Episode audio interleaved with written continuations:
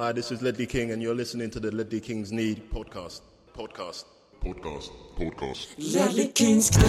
Konsekvent, inkonsekvent Ledley Kings knä. Det bästa som någonsin hänt Ledley Kings knä. Du kommer aldrig bli dig själv igen min vän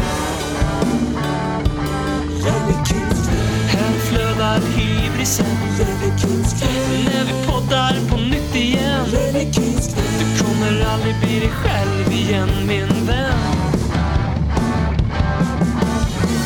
Du lyssnar på djurvännerna i Ledley Kings knä. Kanske lyssnar du via Spotify för att du precis som vi älskar konspirationsteorier, darriga fakta och världsfrånvänt tänkande. Jag vill börja med att tacka alla er som har nominerat oss i Guldskölden. Det är ju nomineringsrunda nu så man får gå in och nominera de sportjournalister, programledare, poddar etc. som man tycker gör ett bra jobb. Tack till er och tack till er som har tänkt göra det nu också eh, kommande tiden. Och tack till alla er som inte har tänkt göra det men som efter att ni hört det här ändrat er och tänker jag ska nog göra det. Och tack också till alla er som inte tänkte ändra er eh, och ändå gör det i slutändan. Hur som helst, Robin heter jag och um, inga djur eh, har jag tänkt ska komma till skada i något av det här programmet som vi nu ska sparka igång. Jag har ju med mig min kattälskare här som har lämnat eh, Sveriges 17 största stad för Sveriges ta mig 17 vackraste stad. Det är ju ingen än eh, min, min vän som delar initialer med eh, bruna mastodontkatter, BM. Tjena mina vänner, jag hoppas ni hör min mycket välmående katt här som spinner in i introt här i Ledder Kings knä. Då vi till skillnad från Kurt Soma har ett hjärta. Eh, och eh, inte spela från start mot Watford gör vi ju inte. Eh, men åtminstone så använder vi inte våra katter som volleybollar inne i köket. Så att vi har alltid det för oss. Och det som vi brukar säga att allting kunde alltid varit värre. Vi kunde vara Chelsea. Men här kan vi applicera på Kurt Soma då att det kunde vara värre. Man kunde ha blivit såld av Chelsea till West Ham, vara djurplågare och heta Kurt. Soma. Boom. Med mig eh, med lite eh, kissemiss-personlighet ifrån våran eh, storstad, våran utrikeskorrespondent, en av de fyra medgrundarna av podden, ingen mindre än eh, Per Frykbrant. Hur står det till med dig idag? Nej, men väldigt bra. Jag är tillbaka i det gamla goda puggliga vinsvardagen som jag sitter Mm. här med. Mm. Ehm, jag tänker firar in en eh, ja, förhoppningsvis nedsparkad Kurt Zuma ikväll. Mm, mm. Hade du sett eh, West Ham Watford om det inte hade varit för Cutgate, så att säga? Nej, då hade jag ju verkligen valt New- Newcastle Everton eh, istället. Speciellt nu med den, med den fina bänk de har med Delle på bänken där. Så eh, nej, det, det är helt och hållet Kurt förtjänst som jag, som jag tycker in den matchen ikväll. Mhm. Vi får se vad Katti och Ranieri gör med sitt eh, Watford, eh, Catford. Det, nu tar vi lite lätt på det här och skämtar mycket om det och det ska vi inte göra. Vi ska ju komma tillbaka Nej. till det här ämnet idag. Eh, och, och prata lite om eh, eh, ver- verklighetsfrånvända fotbollsspelare och allt sånt där. Men jag tänkte vi kan börja med, som lite uppvärmning här, en fråga vi fick från eh, poddens trogne vän i Karin som skriver så här, som är, också, och är lite aktuellt här, eh, om Antonio Conte var en olympisk vintergren, vilken vore han då och varför? Det är svårt. Alltså jag har ingen så här uppenbart svar på det. Men av någon anledning, så när jag tänker Antonio Conte och vintersport så tänker jag på backhoppning. Och Mm. jag tror att jag gör det för att säga, jag vill att det ska vara en gren som har liksom ett bedömningsmoment i sig. För att det ska Mm. vara, det ska inte bara handla om att göra någonting bra. Eh, man ska göra det snyggt och det ska handla om perfektion. Och sen så är det som Mm. så här, backhoppning är en sån sport som när jag tittar på OS och alla, i princip alla grenar, så tänker man säga det där hade jag kunnat göra, fast såklart mycket sämre. När jag tittar på backhoppning så tänker jag bara säga det där hade aldrig någonsin kommit i närheten av. Och det är lite så jag tänker också med, med Antonio Conte. Så att backhoppning är nog mitt svar. Jag vet inte hur bra italienare är på backhoppning egentligen. Det känns som att det bara är konstiga länder med i backhoppning. Typ Japan. Eh, det är ett konstigt land. Eh, så, men, men det är mitt svar i alla fall. Mm. Jag, jag tänker också på eh, konståkning, eller den här... eh, Mm. Det var det första Ja, men det behöver ju vara liksom så här bedömningsfaktorn. Liksom. Ja, eh, yviga gester eh, Mm. tänkte jag också på. Det finns ju, jag vet inte ifall vi kan kalla det för koppling eller ifall eh, det här är alldeles för långsökt, men Italien ska ju hosta eh, OS 2026, något som de ju vann över, eh, över Stockholm. Eh, nu tänker ni, för fan vilken lös koppling det var. Men den, den, den blir lite varmare därför att, vet ni vad Italiens premiärminister vid tiden för det att Italien tilldelades OS 26 hette? Antonio någonting. Nej, men däremot Conte. Giuseppe Conte. Ja. Finns, kopplingen finns, den lever. Den, den, den, kopplingen är solklar skulle jag säga. Ja, ja det är den. Det är, det är den. Ehm, Måste vara släkt med Antonio, men får hoppas att det inte är den här nationalistiska högerpopulisten då som eh, härjade runt i Italien för något år sedan. Det blir, det blir olyckligt för mig personligen i alla fall om det skulle vara Contes brorsa typ. Jag kan ju tänka mig att alltså, Puglia-bor tror jag inte är speciellt sugna på ett vinter-OS. De är, de är ju både, eh, har väl aldrig sett snö hela sitt liv och sen så känns de ju väldigt mycket anti att lägga pengar på, på ett OS och lägga pengar på utlänningar generellt. Så att jag, eh, jag tror tyvärr, jag skulle säga att om det är någon form av släkting till Antonio Conte så är det nog svarta fåret i den släkten. mm. Kan det vara så att Antonio Conte, the man himself, inte ens har en aning om att det pågår ett vinter-OS just nu? Ja, Ja, verkar, jag, jag kan inte se mig framför honom sitta och spana in ett sprintkval. Eh, det, det, har jag, det har jag svårt att se framför mig. Ja. curling känns väl som att han skulle eventuellt kunna uppskatta. Det är ändå mycket taktik. Absolut, Det finns absolut. fotbollslik. så här, Man kan ha wingbacks fast med stenarna och sådär. Exakt, ja men sant. Alltså curling skulle kunna vara, fan det kanske är en kontesport ändå. För att, och där är ju Italien ganska bra, tog ju guld idag. Eh, så, eh, ja men fan curling, det är ingen dum, det är ingen dum, ehm, nej. Jag kanske Finns byter lite- till curling.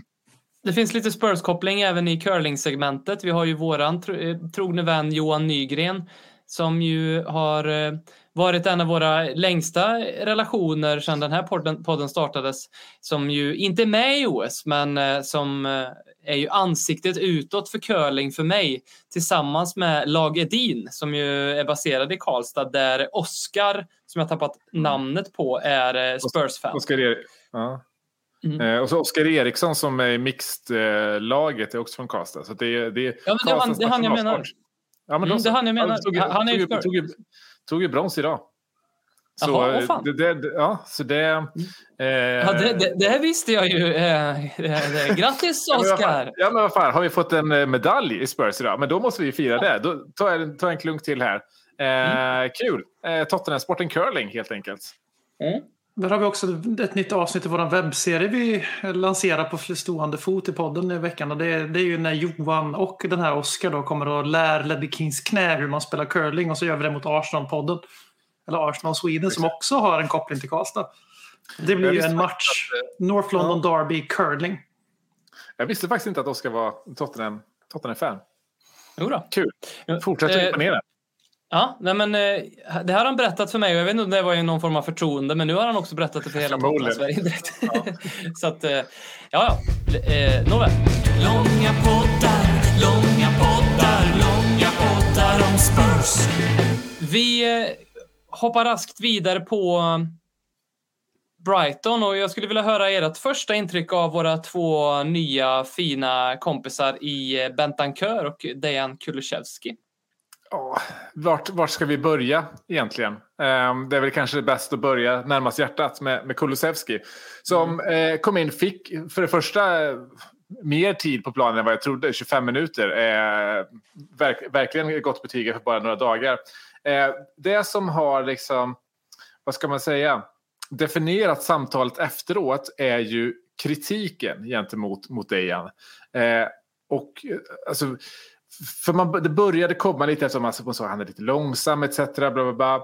Eh, och sen så har ju det samtalsämnet dominerat på, på många forum, men framförallt eh, alltså, internationella Tottenham-poddar som jag har lyssnat på har liksom inlett sina poddar med ja, men så här, vad tycker vi om kritiken mot Dejan egentligen? Och det har gått till, liksom, till den grad att säga, jag har hört tio gånger mer om folk som har diskuterat kritiken mot Dejan än vad jag faktiskt sett kritiken. Så jag vet inte hur mycket kritik det faktiskt har varit. Men där tror jag det är så att det är liksom eh, ganska, ganska okunniga bitar som helt enkelt inte har någon koll på vad, vilken typ av spelare Dejan är egentligen. Och det kan jag väl i och för sig förstå. Men, alltså, jag hade inte haft koll på en Luis Diaz jättemycket mer än, än Dejan till exempel om han hade kommit till, till Tottenham. Och jag kan ju tänka att har, har vi kopplats ihop med en, med en eh, Luis Diaz, med en eh, Dybala så är det kanske den typen av spelare man tror att man får i, i Dejan. Vilket är, han är egentligen motsatsen till de spelarna. Han är ju inte en kvick ytter och det är så som liksom, kanske lite okunniga supportrar bedömer yttrar nu för tiden. Speciellt med tanke på den historia som, som Tottenham har med, med yttrar. Eh, men jag tyckte att utifrån så som han gjorde ifrån sig och efter matchen fick jag verkligen känslan av att det här var en bra debut. Hade han bara fått till den där, eller hade, hade Bergwijn, eller eh, vad var det engelska kommentatorn kallade Boyhurg, eh, fått till eh, det, det, där, det där skådet som Dejan gör en perfekt assist på egentligen. Eh, så, så, hade ju eh, debatten handlat om vilken succé, eh, succéstart han fick. Men jag tycker att på den liksom 25 minuter han fick så bara i matchen så, så gjorde han ju mer med bollen än vad Lucas Moura gjorde. Och kollar man målchansmässigt vad han skapade så gjorde han ju mer för sina medspelare än vad Lucas Moura gjort för hela säsongen, tycker jag. Nu vet jag inte exakt vad Lucas Moura har för, för assist, men jag vet att antalet liksom, eh, menade assist är lika med noll i alla fall. Sen har jag kanske råkat få någon liksom, med, lite, med lite otur sådär. Eh, men jag, ty jag, tycker Dejan eh, absolut helt godkänt. Eh, kanske lite i överkant. Jag tycker det är intressant att se. Han kommer in i en 3-4-3 som högerytter. Eh, som en ganska defensiv sådan. Eh, och det är en ganska speciell matchsituation att komma in där du leder med 3-1. Det handlar egentligen om att inte tappa boll. Du ska inte riskera för mycket. Eh, och det gjorde han ju inte i omställningarna heller. Och det är det som jag tror att många liksom störde sig på, att han faktiskt stannade upp lite grann så. Sen så mm. blev det ju intressant att han flyttade in sen och avslutade matchen i någon form av liksom hybrid 8-10, alltså, det höger, mitt, alltså höger in mittfältare i ett 3-5-2. Eh, som jag verkligen tror och hoppas är hans framtid i Tottenham. För att anledningen till varför vi har spelat 3-4-3 är jag fortfarande helt övertygad om är för att Conte tycker att Lucas har varit i för bra form för att gå och köra en, en 3-5-2. Liksom. Eh, så eh, jäk, jäk, jäkligt eh, kul så sett för Dejan. Rolig match mm. att komma in i också. Det känns som att han verkligen kommit in i laget och så som man pratar om Harry Kane och så som man pratar om Antonio Conte. Eh, det känns som att han kommit in, in väldigt bra. Lite minus i kanten på att han verkar hänga väldigt mycket med Golini. Ja, också, ja, de går lite för bra ihop också. De är lite för eh, lika varann eh, till, till utseendet, eh, Golini och, och, och, och Dejan Kulusevski. Men, ja. Ja, den, de har samma aura liksom. De är samma, det är samma skrå. spirar från britten i hörnet där. verkligen, verkligen. Jämför blonda, inte med, med Golini. Blonda? Dejan är inte blond. Det, jag vet inte vad jag pratar om. Men, eh, nej, men eh, jag tänkte på... Jag gillar att du lanserar den nya expected goals assist eh, parametern som är unintended expected goals och mm. unintended expected assists eh, som, som ju du slår huvudet på spiken med. Sen så tror jag väl att eh, Kulusevski kanske det kommer ta ett tag för honom kanske att ställa om, som det gör för väldigt många till eh, tempot i Premier League. Men han är ju, jag, jag såg någon stat på att han är ju inte speciellt eh, långsam egentligen. Han har en ganska Nej. hög toppspeed, men det är skillnad på, som alla som har spelat FN vet, acceleration och snabbhet. Han kanske är en sån som behöver eh, ja, kanske inte accelererar lika snabbt som typ, typ en eh, Bergwijn då, men har ja, typ samma topphastighet. Liksom. Precis. Sen så är det så att så här, jag, jag, tror att så här, lite större spelare som han är, liksom, eh, sitter man i tv-soffan så ser de också lite långsammare ut. Men det är klart att han är, han är ingen speedkula. Men om det bara var speed det behövdes för att vara en bra anfallsspelare så hade inte Harry Kane varit världens bästa nia. Och sen så Nej. tänker jag så här, är det någonting vi inte behöver i truppen just nu så är det faktiskt mer speed. Det vi behöver är någon som faktiskt alltså, har fotbollsintelligens. Det är det mm. som saknas i truppen och det är det som han bidrar med. Eh, sen så hoppas jag som sagt att han inte behöver använda det på kanten för då blir eh, då kan, alltså jag, jag, är lite rädd ändå att han kommer bli en hackkyckling. Liksom. För, för li, lite den känslan fick man av eh, som Twitter efter första matchen. Jag hoppas att det inte kommer det. Jag hoppas att han väldigt snart hittar sin position. För jag pratade om det lite liksom förra veckan, eller två veckor sedan. Just alltså, han, är, i och med hans unga ålder så, och så som det ofta är för unga spelare, offensiva spelare, att man, man, man hittar inte deras spetsposition tidigt. Man, man, slänger ut dem på en kant lite grann. Och så har det varit för Dejan. Och det, eh, det han gör väldigt bra är det liksom hur han viker in i banan. Men hans bästa egenskaper kommer inte till sin rätta där. Mm. Och i, i den positionen av spel så, så bedöms han väldigt mycket också på liksom goals goals, mål. mål, målassist.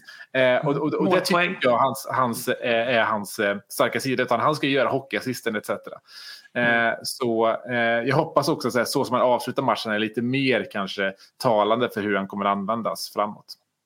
Vi introducerar också en sydamerikan som heter så mycket som Rodrigo Bentancur. BM, vad tycker du om hans debut på det centrala innermittfältet?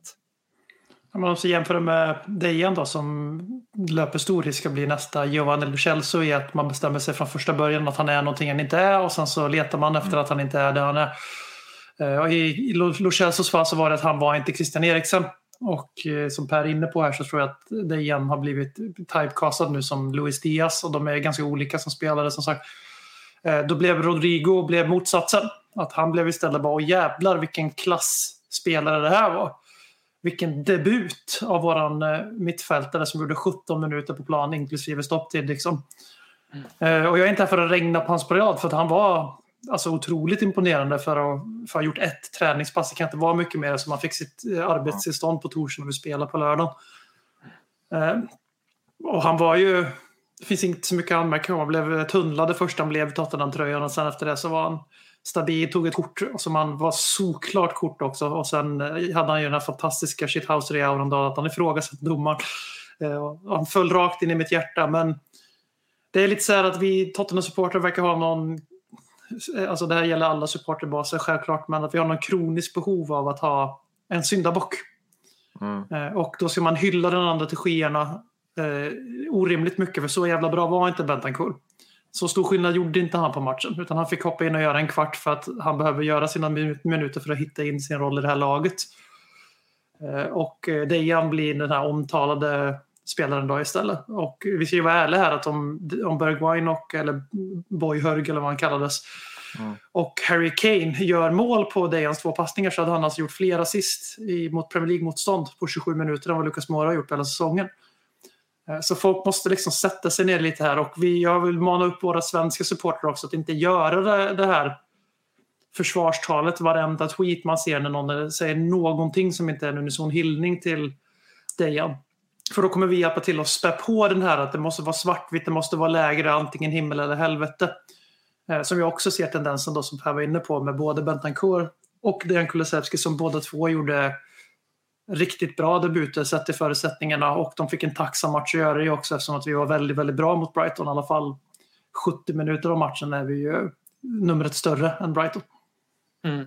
Jag, det blir, jag tycker ju att om man jämför de här två bådas debuter och reaktionen på deras debuter på det jag har konsumerat på framförallt Twitter så verkar det verkligen vara sådär äh, Dejan tveksam, Bentancourt verkar av någon anledning typ alla tagit till hjärtat och jag tror mm. att det li blir lite för att han är inne mitt och då kan man komma in och bara springa och tackla och dra ett gult kort och, och visa jävla namma så, så, så ser alla genast att ja, men han ska vi, han ska vi eh, tro på.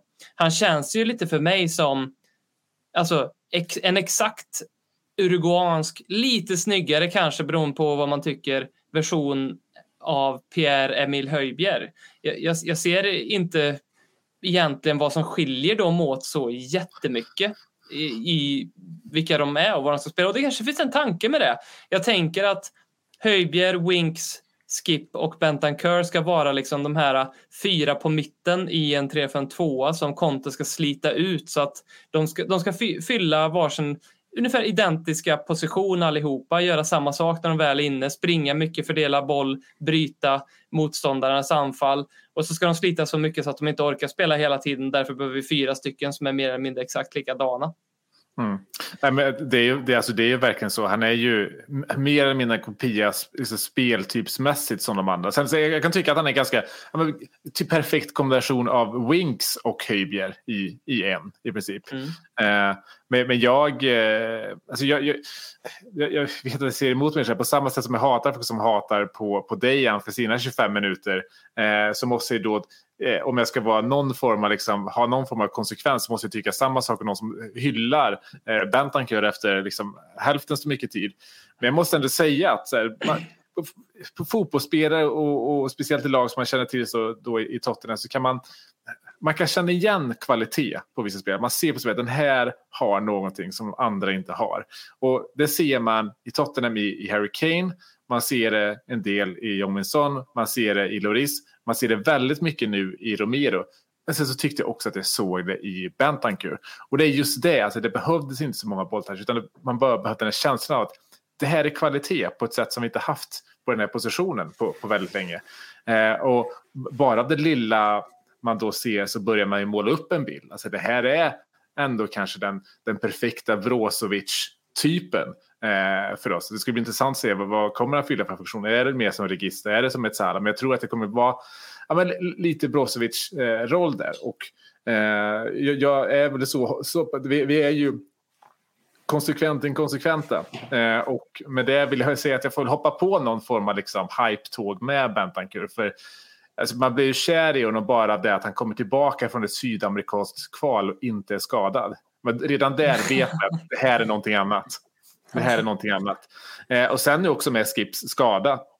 Jag kommer inte vara med mot, mot Southampton och så vidare. För att se hur länge han är, är borta. Så, så är det perfekt läge att komma in. Men just att säga, känna så. Att, jag gjorde, jag gjorde en träning, kommer från det, från det kval och hoppar in och gör det liksom ja, men väldigt bra. Eh, och man börjar känna också med det gula kortet som jag älskar att han tar. Börjar man känna redan att det, det, det finns liksom en Tottenham-legendar in the making. Men så har det varit väldigt mycket för folk i den positionen. Höjbjerg hade också en sån start. Eh, Dobele gjorde mål på sin debut. start. Exakt.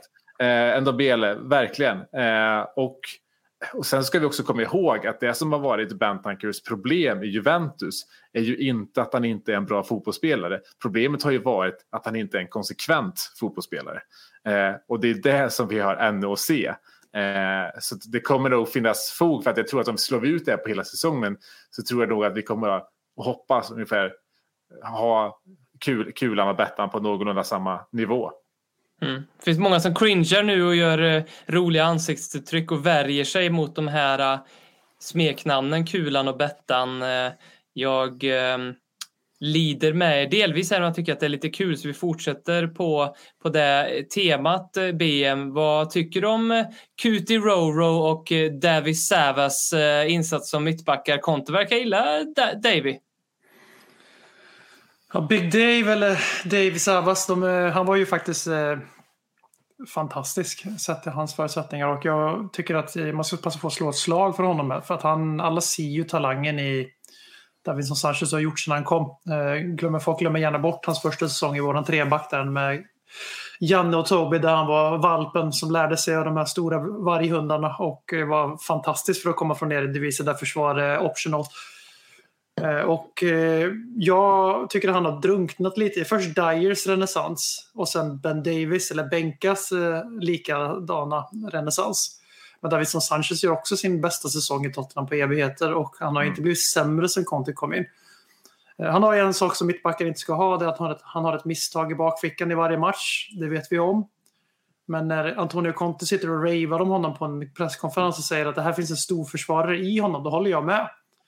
Eh, sen förblir jag skeptisk till huruvida Conte kan få fram den spelaren. För att ja, det är bra att han har någon som tänker åt honom. Vilket många av våra kära Tottenham-spelare verkar behöva förutom Harry Kane i stort sett.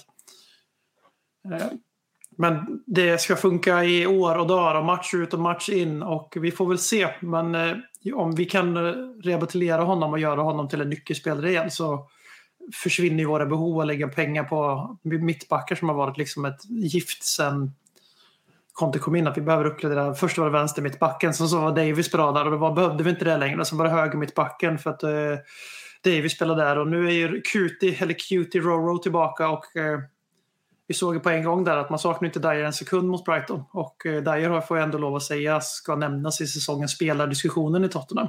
Mm.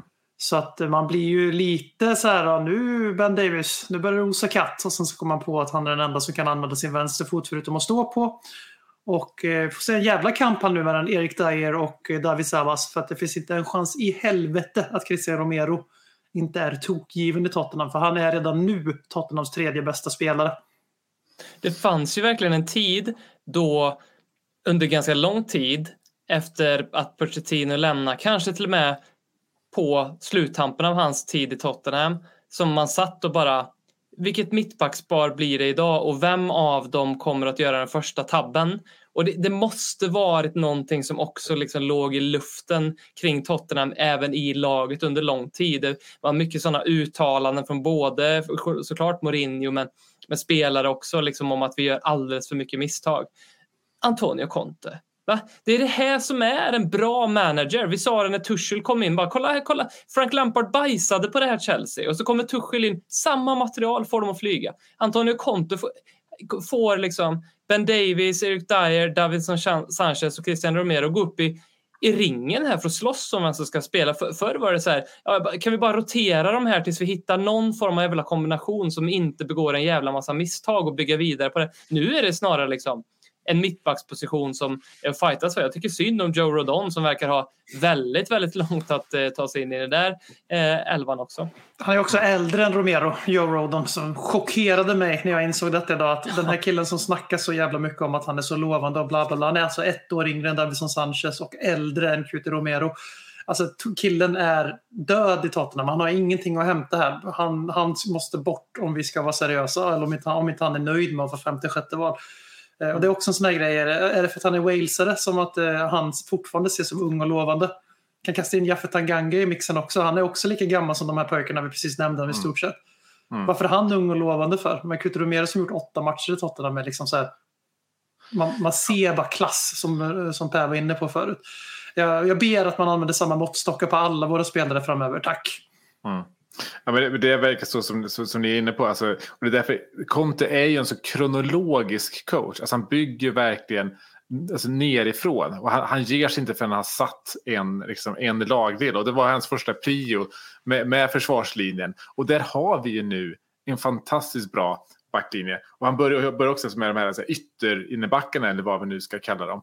Och det är det som var så jäkla skönt att se eh, Romero gå in och verkligen vara alltså han är ju en av ligans bästa mittbackar, om inte eh, topp två. Eh, och man har ju gått runt nu alla de här veckorna när han har varit skadad och liksom byggt upp hans tomrum i huvudet. Att man säger det, det har sett bra ut men tänk hur bra det kommer att se ut när han är tillbaka. För så mycket av vårt anfallsspel i ett kontosystem hänger på bolldistributionen från, från försvarslinjen och det är där han ska vara allra bäst. Och det var det han gjorde i, i Atalanta.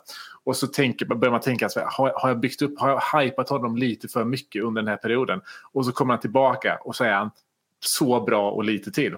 Och det ska bli så jäkla roligt nu att se, för nu fick han ju spela liksom, central försvararen, vilket var den positionen han hade i, i, i Atalanta precis. Han var ju väl specialist på den rollen. Sen har man ju tänkt, i och med att Dyer har tagit den rollen nu under Conte, vart, när Romero kommer tillbaka, ska, ska Dyer få vara kvar eller ska Romero vara på ytter, ytterkanten där? För det är ju så att i ett så är det den här centralförsvararen som har allra mest tid på bollen.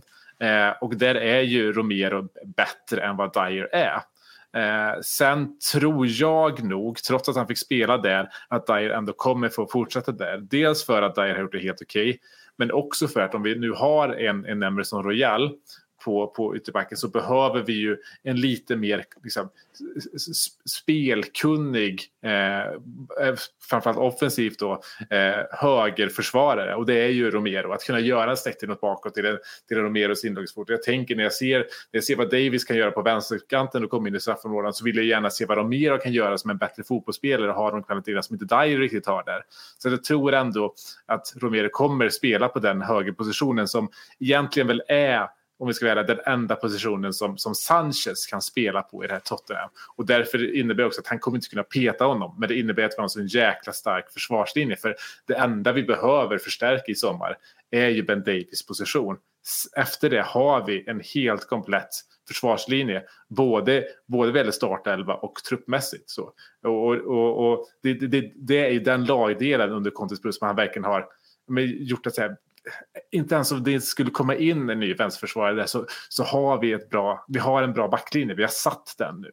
Eh, Och det, eh, I ett kontsystem är det så jäkla, så jäkla mycket värt. Som det finns ett när kanon... truppen var sämst. Ja, Ja. det känns... Alltså, vi svängt? Ja, men det, det svängs och det är därför, alltså med, med, med Bettan också. Så det känns som att nu är vi eh, ja, men kanske en bra innermittfältare från att ha ett riktigt bra lag. Ja, en, en wingback också såklart. Vi kan Eh, sammanfatta då att det- Mourinho, när han arkebuserade Tottenhams trupp i 18 månader och allting var deras fel och fansen svalde det här med hull och hår. Så de enda, de enda som inte höll måttet i den truppen är alltså Giovanni Lo Celso, Tango Ndombele och Dele Alli. Alla andra... Mm. Eh, det är otroligt att eh, människor trodde på den bluffen så länge som de gjorde.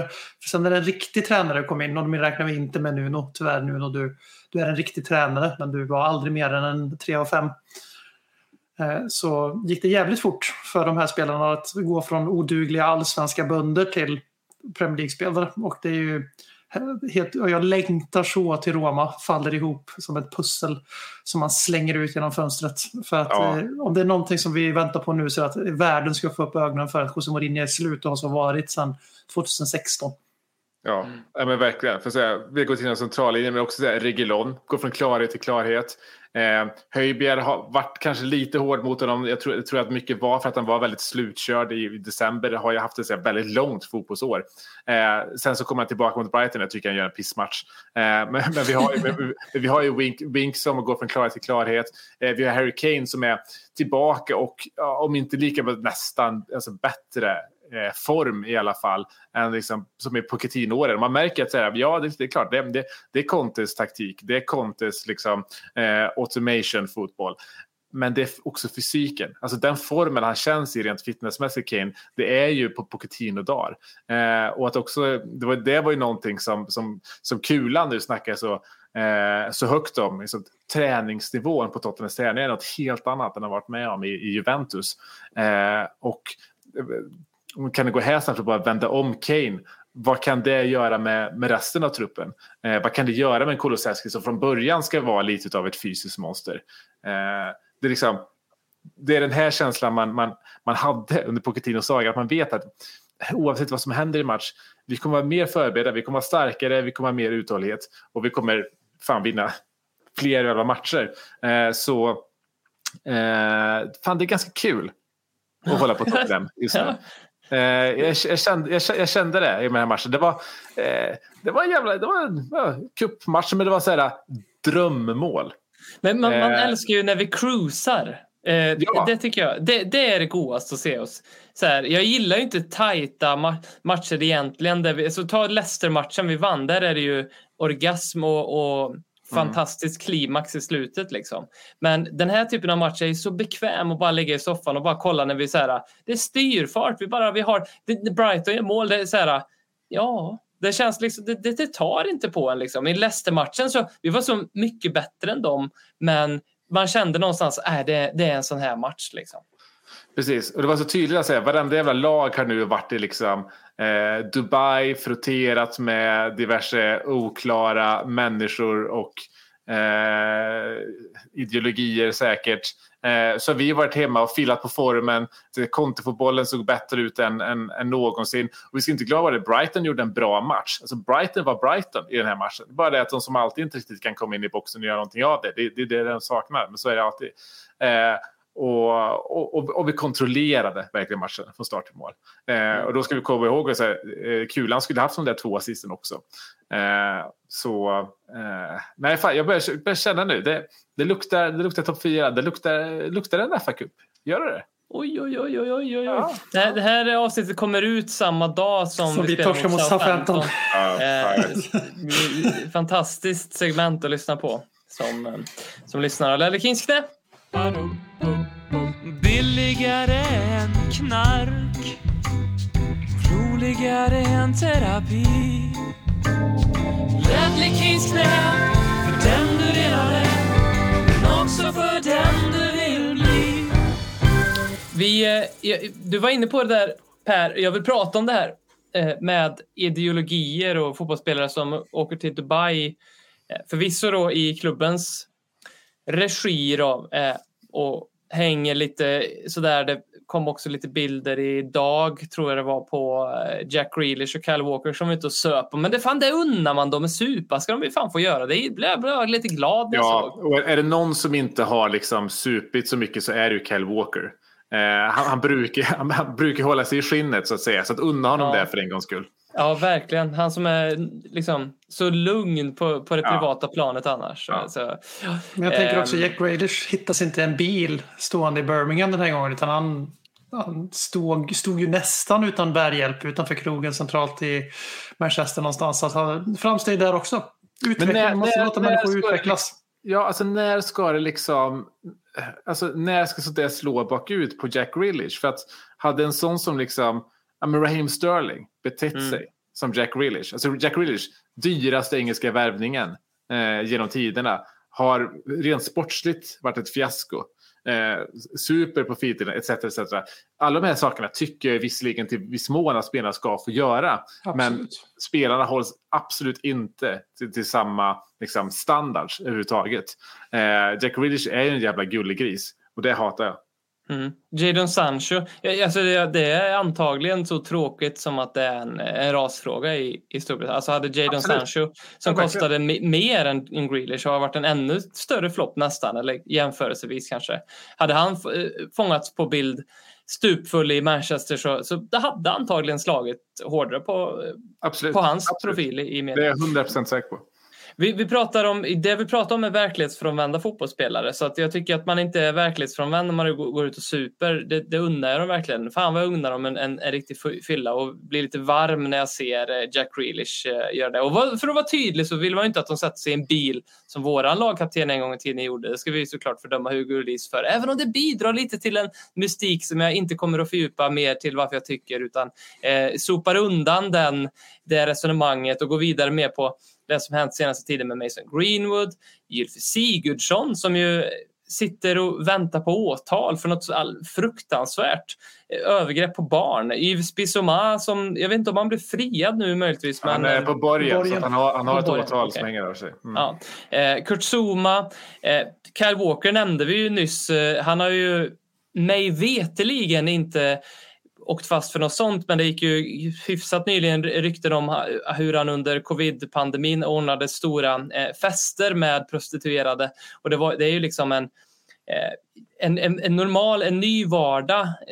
Det- hör snarare till liksom regeln än undantaget ryktesvägen att fotbollsspelare liksom har stora orger på, på fritiden med prostituerade. Eh, Patrik Syk som eh, twittrade det här idag, tyckte, jag skrev det här idag, tyckte jag liksom, det, säger ändå någonting hur vi behöver betrakta det här. Hur långt ifrån är vi att liksom potentiell gärningsmannaprofil är en del av en scoutingrapport på en fotbollsspelare? Och det känns också lite som, och det är här jag vill lyfta lite nu, att fotbollsstjärnornas tid med att komma undan med det här är lite, börjar bli lite förbi. Eh, alltså, det är många som ser vad som händer nu och det känns som att det börjat bli en liten ficklampa som, som börjar lysa på den här delen av världen lite grann. Jag ska inte säga nya metoo för att det var ju liksom någonting som slog igenom och, eh, med dunder och brak och liksom fick fäste precis överallt. Eh, mycket rätt. Men kan det vara så att vi, vi nu liksom börjar syna sömmarna på de här verklighetsfrånvända fotbollsspelarna kommande tiden? Och, och vad är det som gör allt det här? Vad tänker ni om allt det här? Vad, vad, är, vad drar ni för reflektioner om dagarna när ni tänker på de här asen? Alltså, det jag tänker på är att de här, eh, det som har varit de senaste veckorna med, med Greenwood och nu, nu Kurt Soma, eh, även om det är två helt, helt olika brott, så är det ju, vi har fortfarande haft en säsong där det har hänt extremt mycket sånt. Men från klubbnivå har det varit extremt lite. Och det är ju bara när man i Greenwoods fall får liksom verkligen hemska bilder, man får hemska ljuduppspelningar. Det är först då som klubbarna agerar. Så det är ju, klubbarna gör ju ingenting, de bidrar ju fortfarande till det här problemet. Sen så får United cred nu och absolut, de gör allting rätt i, i Greenwood-frågan. Eh, men det har ju varit väldigt tyst kring väldigt många andra fall. Eh, Everton har fortfarande inte liksom namngett eh, sin spelare som har, liksom, står åtalad för, för pedofili eh, och har inte gjort någonting i, i, i själva frågan. Eh, men jag hoppas och tror eh, Alltså jag tror att du försökte spela ner lite så här, jämförelsen med, med metoo. Jag tror snarare hoppas att det kan vara på den nivån att vi slutar acceptera att de här människorna är, är rövhål. Men det måste börja hos, hos klubbarna. För att där gör klubbarna allt i deras makt för att de ska bli så bra fotbollsspelare som möjligt. Och speciellt i, i, i England och i fotbollsvärlden så har man inte tagit ansvaret på sidan av banan. Man har inte tänkt så långt att säga vad händer om vi ger en 18-åring en miljon i veckan? Där har man, om man kollar amerikanska sportvärlden, kommit, inte, inte hela vägen, men, men en bit längre. När man har insett att säga, oh fan, en majoritet av våra NBA-spelare liksom, eh, går i personlig konkurs liksom, några år efter, efter karriärens slut. Vi måste nog börja utbilda dem lite grann även som människor. Och det känns det som att den europeiska sportvärlden och liksom engelska fotbollsvärlden framför allt ligger så jävla långt efter. Nu har det börjat komma den typen av samtal. Jag tror det är några klubbar som faktiskt har börjat med den typen av liksom, ja, insatser mot sina, eh, mot sina ungdomsspelare. Men det handlar ganska mycket om liksom, den mentala hälsan. Vad händer när jag väl blir liksom, kuttad från en ungdomsakademi etc. Men de måste verkligen, vi måste börja ställa krav på våra, liksom, våra klubbar att de måste ta in hela den bilden. Det, det tycker jag faktiskt att svenska klubbar känns som att de går lite i bräschen. Det finns, finns mycket att, att eh, förbättra även där. Men sen så handlar det handlar om att vi, vi ska förvänta oss det av våra, våra klubbar. Jag tycker att i eh, i Tottenham led, vi har haft några sådana exempel nu, nu på sistone där vi har liksom vägrat ta in rövhål in i våra klubbar. Dels hade vi hela eh, Gattuso-grejen i, i somras eh, när det mm. började snackas om eh, om han som skulle då vara Paraticis första värvning. Eh, någon som inte Hitchen ville ha. Eh, och eh, han hade haft en del uttalanden kring eh, homoäktenskap som han inte riktigt gillade. Och vi supportrar var ganska eh, eniga om vad vi tyckte om det. Eh, lät våra röster bli hörda. Sen vet inte jag om det, det var liksom på något sätt anledningen till varför det inte blev honom. Men man kan i alla fall hoppas. Och sen så har vi den här nu senaste med, med Olli Tanner. Eh, så var den här eh, 19-åringen från en, non-League-klubb som eh, precis som Harvey Elliott, Liverpools eh, gottegris, eh, mm. Eh, under, under några års tid hade betett sig väldigt mycket som en mobbare på sociala medier. Framförallt mot, och det vi har sett, liksom mot Harry Kane och liksom mobbat honom för hans eh, för hans talfel etc. Hur mycket nu man kan se att en 19-åring mobbar någon som är en liksom, världsstjärna. Så. Eh, men det säger väl en hel del om en, en persons karaktär. Så. Sen tycker jag att i det fallet så ska man ju såklart som 19-åring kunna, komma, liksom, kunna be om ursäkt. Det ska inte sätta stopp i hjulen och där ska kanske inte eh, det, det ska han, kanske, han som 19-åring, som i princip som barn, inte behöva stå emot massa hat från supportrar som, som i det här fallet. så. Men jag tycker att det börjar komma en del en hel del sådana krav från, från fansen. Att vi vill inte ha rövhål. Och det är väl i alla fall någonting i början. För att är det någonting vi har lärt oss av det senaste året så är att supportrarna har, eller i alla fall börjar få mer makt i fotbollen. Vi såg det i, i, i Super League. Eh, vi ser hur man börjar liksom plisa det mer. Vi har eh, The Crouch Review i England till exempel. Eh, man börjar lätta mer och mer på liksom, say standing etc. Eh, så, så jag hoppas att det är någon form av förändring på gång. Mm. Mm. Jag slås ju av att eh, den här veckan så har Premier League bett alla klubbar öppet om att se över det man kallar antisocial behavior på sina arenor. Där man gått ut med att det är alltså typ ja, grovt kränkande ramsor och även fysisk eh, interaktion mellan supportrar. Att säga, gör vad ni kan för att få ner det här. Jag ser ingenting där Premier League har gått ut och bett så här. Hej alla klubbar, vi har haft några incidenter här nu. Det skulle vara jättefint ifall ni kunde vara tydliga med vart ni står i de här ganska grundläggande frågor om hur vi behandlar varandra. Eh, nu även djur och eh, barn och kvinnor och allt sånt där. Liksom. Um, och, jag, tycker att, jag tycker att det lyser lite med sin frånvaro. Det som jag tycker, jag, tycker jag, jag diskuterade det här ganska friskt med några, såklart, United-fans.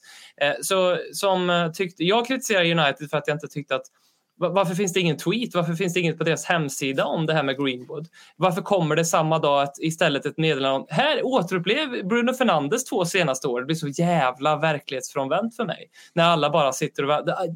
Alla kommentarer på den posten var ju så här Greenwood liksom. Och, men däremot om ett fan skriker någonting rasistiskt på arenan, då är ju klubben jävligt snabb med tweets och nyhets, eh, på hemsidan. Gör inte så här, det här står vi inte för. Men en av deras egna gör det, när en spelare gör det, då, då, då händer ingenting. Eh, Kurt Zuma-incidenten är väl lite ett undantag. Han gick ut själv och jag skrattade lite när jag läste det när han skriver så här. Det var en isolerad incident. Exakt. Ja, okej, okej, okej. Jag har dödat den här killen här borta, men jag vill bara vara tydlig med att det var en isolerad incident. Så nu kan vi gå vidare från det. Eh, så att, Fast, fast det roliga där tycker jag att när man säger att det här var en, det här, jag lovar, det här var bara en enskild händelse på en film som har tre olika händelser inspelade på sig. Det är så här, du är dum i huvudet. På ja, alla fronter. ja. Jag kan ju säga som kattägare att eh, när en katt irriterar dig så din första instinkt är inte att lyfta upp dem i luften och dra iväg dem på, som en målvaktsutspark om man säger så. Det, eh, det är inte en isolerad händelse. Såna där, precis som allt, allting annat, det trappas upp och det är väl det. Eh, om vi ska ta, jag vill inte lägga allt det här på Manchester United för det, är, det här är nog ett större problem. Men jag sitter väl mest här och funderar hur mycket visste vi om Gylfi Sigurdsson när han var i Tottenham? Alltså hur mycket visste klubben om sådana här Ja, jag vill bara använda ett exempel som råkar vara från United. För jag kollade nyss på den här dokumentären Class of 92 där Ryan Giggs eh, frekvent eh, misstänkt i domestic abuse-situationer bland annat. Eh, jag tror han är det just nu också. Han har väl fortfarande inte fått sparken av Wales ens utan han är typ på permission från Wales. eh, han är välkommen på Uniteds läktare. Eh, för till, till exempel på Ronaldos återkomst där. Två Mm. stycken Och, eh, förbrytare som hyllades. Eh, och där är liksom det här att i den filmen så man får ju, nu får man lite så kalla kårar då, när man tänker på när de pratar om sina inkilningsriter de hade och de säger så här plikttroget att nu funkar nog inte det längre och det var egentligen ganska hemskt. Och allt vi gjorde, vi hade AIK-incidenten för ett gäng år sedan med inkilningsriter som var brutala och hockeyn har haft ett sånt uppvaknande också i 2021-22 här. Men eh, det jag tänkte på då var att eh, Ryan Giggs berättade om liksom hur Alex Ferguson kom till en fest han och en annan anordnade. Eh, och liksom sträckt upp dem som en pappa eh, gör. Och sen så pratar de ändå mer om så här hur de visste, alla spelare visste att eh, Fergie hade liksom spioner ute på stan som övervakar dem, höll koll på dem och eh, såg till att de inte hamnade i sådana här situationer. Vi kan ju tänka på Leddy King där han är så redlöst packad och Brad Friedel lookalike eh, eller Brad Friedel själv, vem vet vad det är liksom och städa upp det. Och den här, det var ju någon som gjorde samma sak med Graylish-klippet här. Och det jag ser här det är ju vuxna män på papper som växer upp i någon form av liksom eh, inofficiellt förmyndarskap. Att det är någon annan som eh, tänker moraliskt och etiskt åt dem. De, deras bankkonto växer, de blir världsstjärnor över en natt. De har sociala medier nu som bekräftar dem från att de är 11. Jag ser, går man in och kollar på sin Explore som fotbollssupporter på Instagram, då ser du liksom små, små barn i Chelsea, Tottenham och Arsenals akademi som lägger upp poster exakt som om de vore Cristiano Ronaldo. Eh, att liksom så här, det, allting är sponsrat, de skriver som fotbollsspelare gör, alltså som någon social medieansvarig gör, att varje inlägg är ett reklaminlägg. De är små, små barn. Skulle de här barnen lyckas, då har de växt upp i rampljuset hela vägen. Eh, och jag tror inte fotbollen har klarat av att ställa om till det. Att I takt med att akademinlönerna har växt och fotbollsspelare blir miljonärer för de ens har etablerat sig på seniornivå eh, så har de också blivit kändisar tidigare i äldre år. Jag kommer ihåg Beckham hur han behandlades av Fergie när han blev en större namn än vad han var som spelare. Han kanske blev till och med större än Manchester United utanför fotbollen.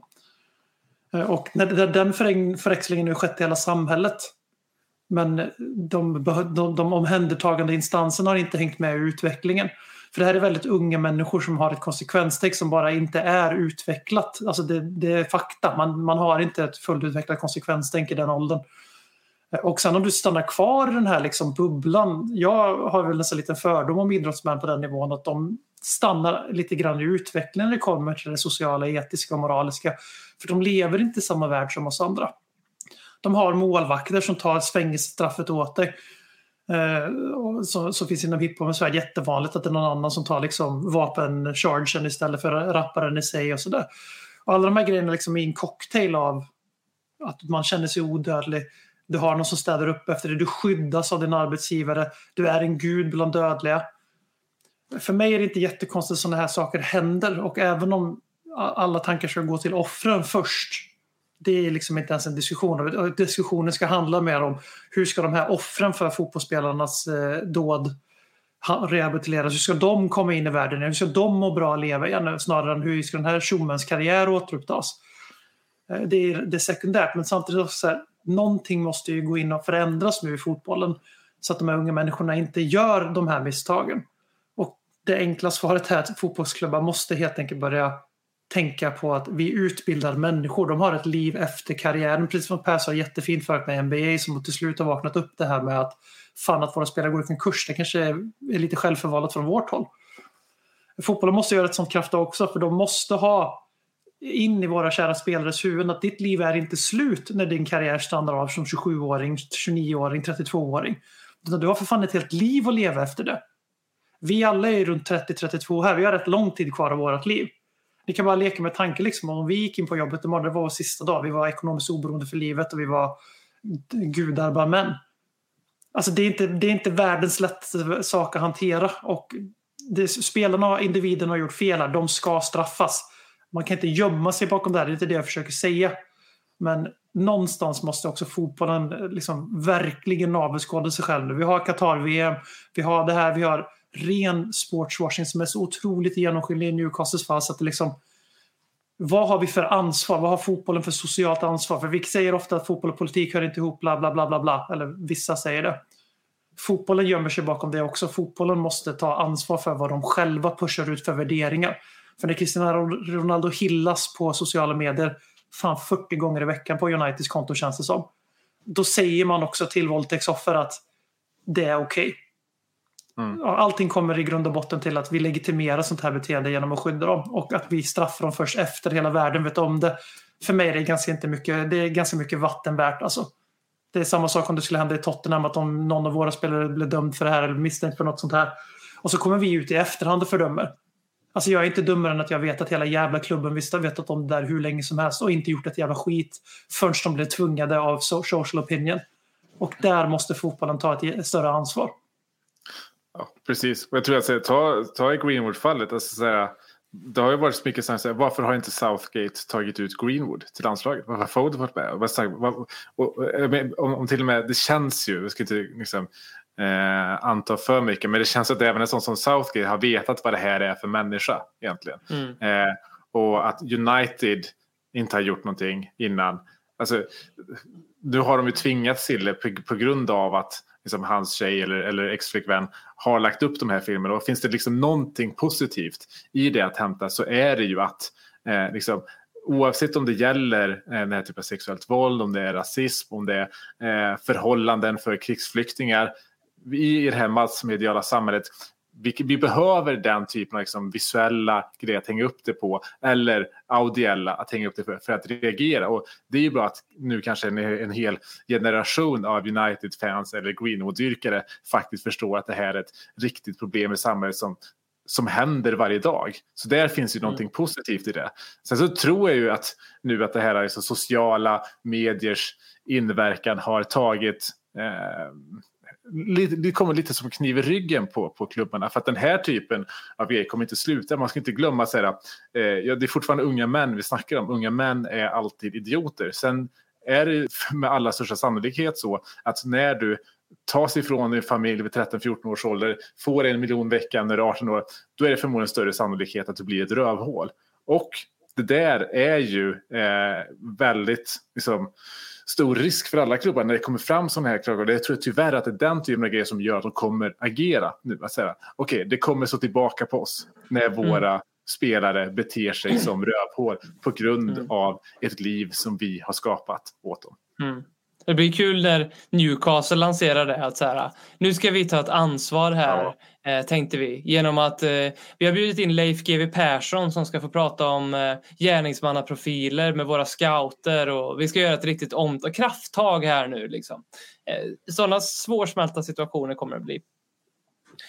På tal om eh, Leif GW så nu känner jag lite att jag kommer göra en radiogång som, som kommer liksom eka lite Nyhetsmorgon. Jag tänker alltid på den när jag kollar på Nyhetsmorgon. Att så här, helt plötsligt sitter man där och så mår man piss för att det sitter någon och pratar om att så här, jag har en vecka kvar i livet och alla gråter och så här. Och sen så bara, och nu ska vi gå över till att prata valpar och eh, risotto. Eh, och det ska vi faktiskt göra nu för vi ska ha skratta åt topp 6. Ja, äntligen. Let's laugh at the top six. They are really shit.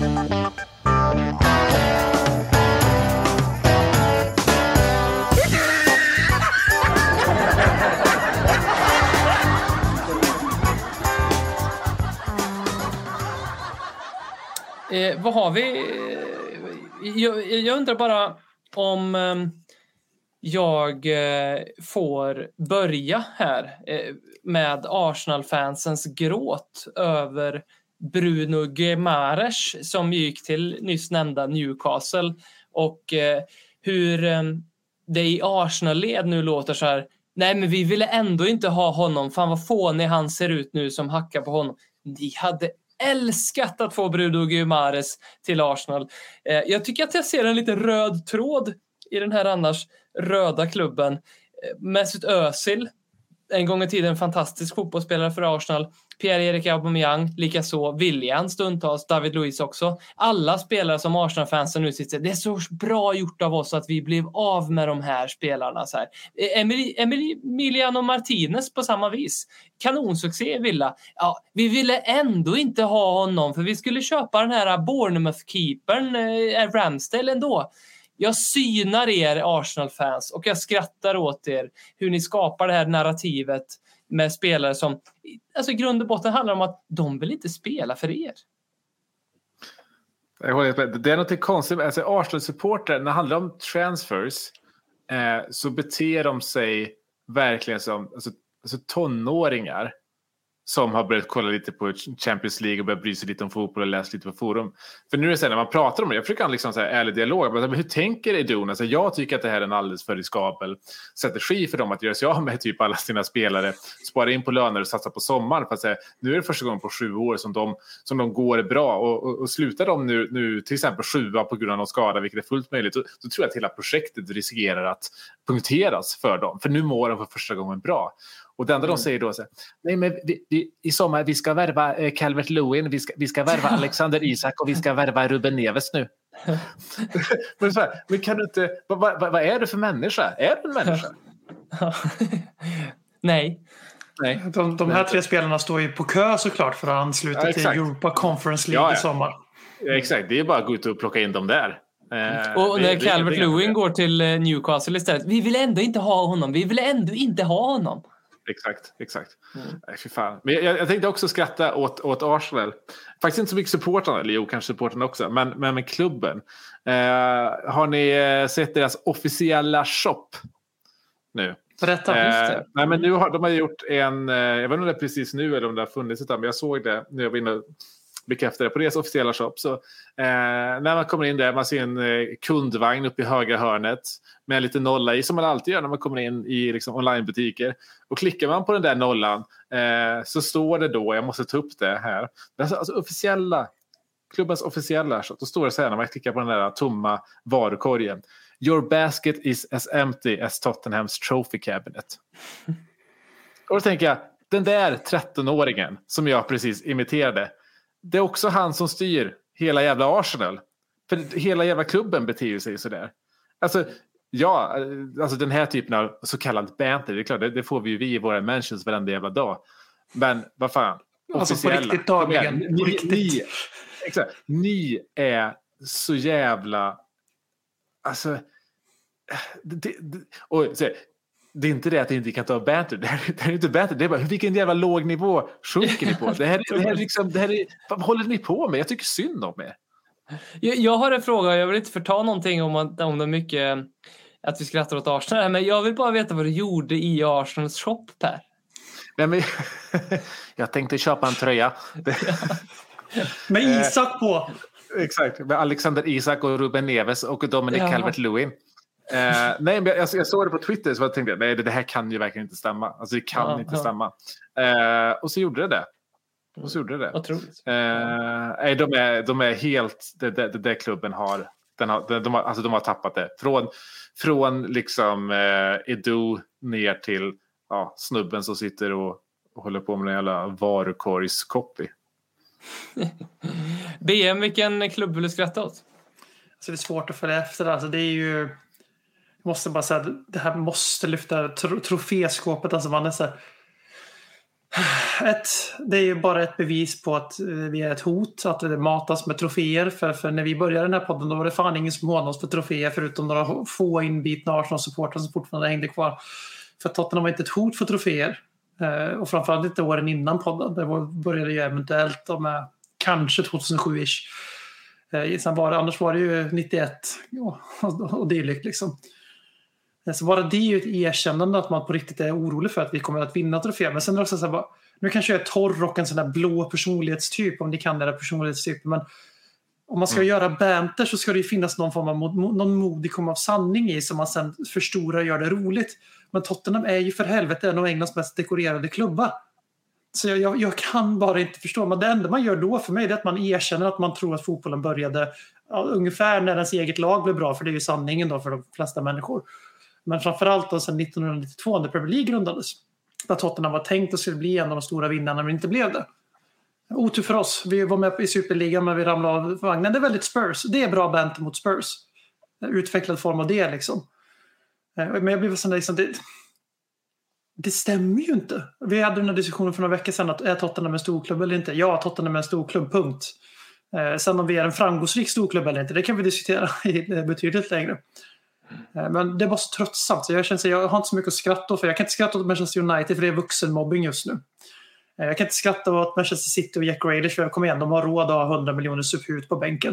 Jag kan inte skratta åt Liverpool för de är äckligt bra för stunden. Jag kan inte skratta åt eh, Chelsea för att de har tvålat hit oss fem gånger den här säsongen. Det kommer bli en till i FA-cupen här snart.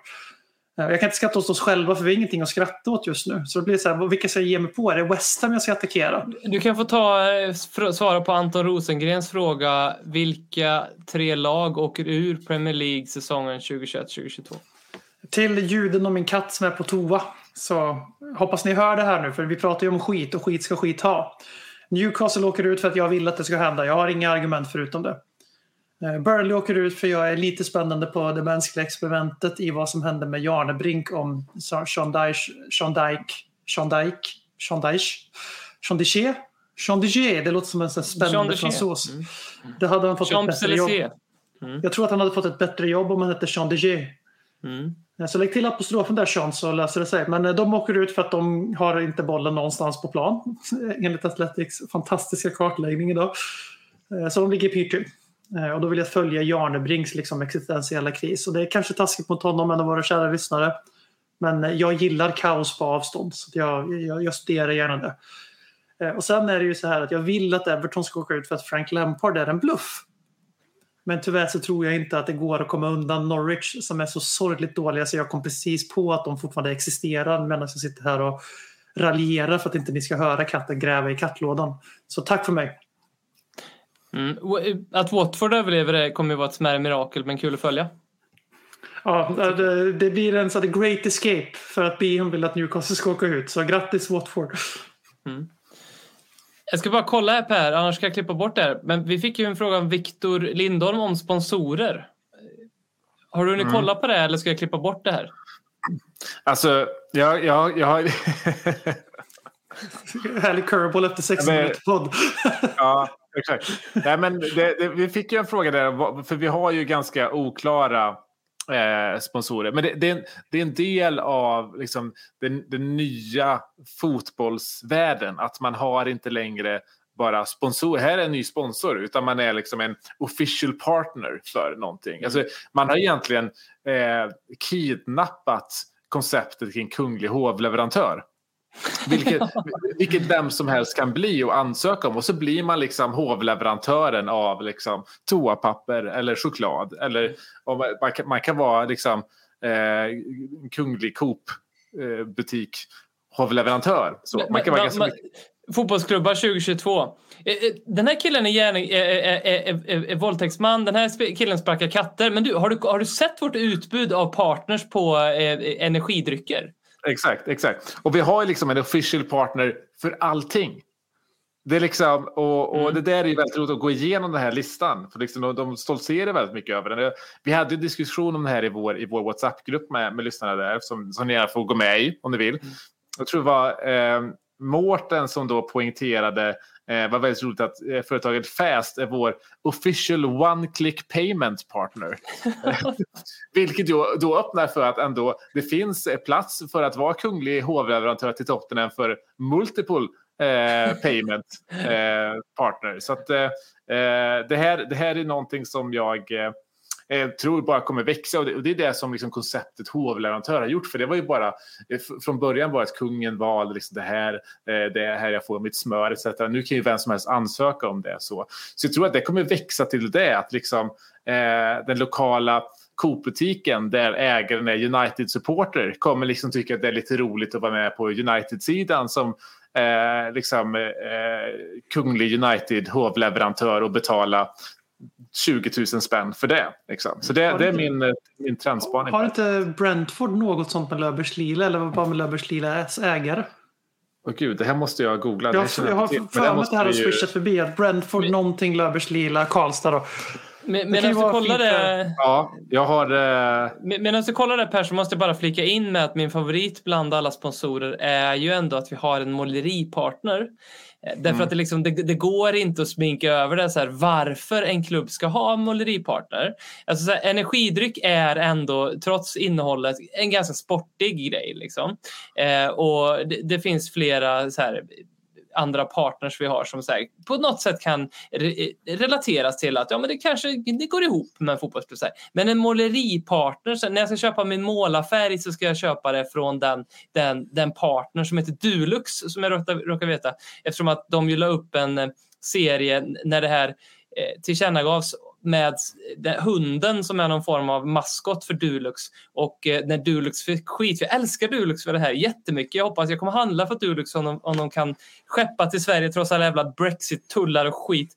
Så då eh, var det någon som frågade typ eh, kan den där hunden spela mittback? Och Dulux officiella Twitterkonto svarade så här. Ja, han kommer gå in och glänsa direkt med tanke på vad som finns i truppen idag. Och så fick de ta bort den tweeten. Och det var på Det samma där, dag det, de hade... Det där är ju bra Bente, fan låt det vara kvar. Ja, ja, eller hur? Ja. Exakt. Jag, är faktiskt inne här på Brentfords hemsida och ser, precis som du sa BM, Löfbergs eh, från kära Karlstad. Eh, en, en nyhet här från eh, Brentford att Specialist Coffee Roaster Löfbergs becomes official Brentford Football Club coffee partner. ja, det här har någonting. Det här har någonting. Nu har jag avsnitts, avsnittsnamnet klart också, Löfbergs Lila. Exakt. Men då vet vi det nästa gång. Jag köper ju bara Löfbergs. eftersom Det är det enda som kommer in i det här hemmet eftersom det, det, det är Värmlands. Men då vet vi det. Nej. När vi gör det, då sponsrar vi också Brentford och vi sponsrar också Christian Eriksen. Mycket bra. Nu hörde jag din katt bli klar på toa. Kungliga hovleverantörer. Tack så jättemycket för att ni har varit med oss i ännu ett avsnitt av eh, uh, Ledley Kings knä. Kanske kommer det ett till avsnitt den här veckan, vem vet? Vi eh, tackar också återigen till alla som har nominerat oss i Guldsköldens nomineringsrunda. Guldskölden.se går man till så fyller man i där man nominerar. Man kan nominera fritt. Skriver man Ledley Kings knä och om tillräckligt många gör det så kommer vi hamna i en finalrunda och då kommer vi ja, återigen be om era röster som vi ju så gärna gör på våra redan utslitna knän. Tack så jättemycket för att ni är med oss och adjöken. Ciao. Det bästa som någonsin hänt. Du kommer aldrig bli dig själv igen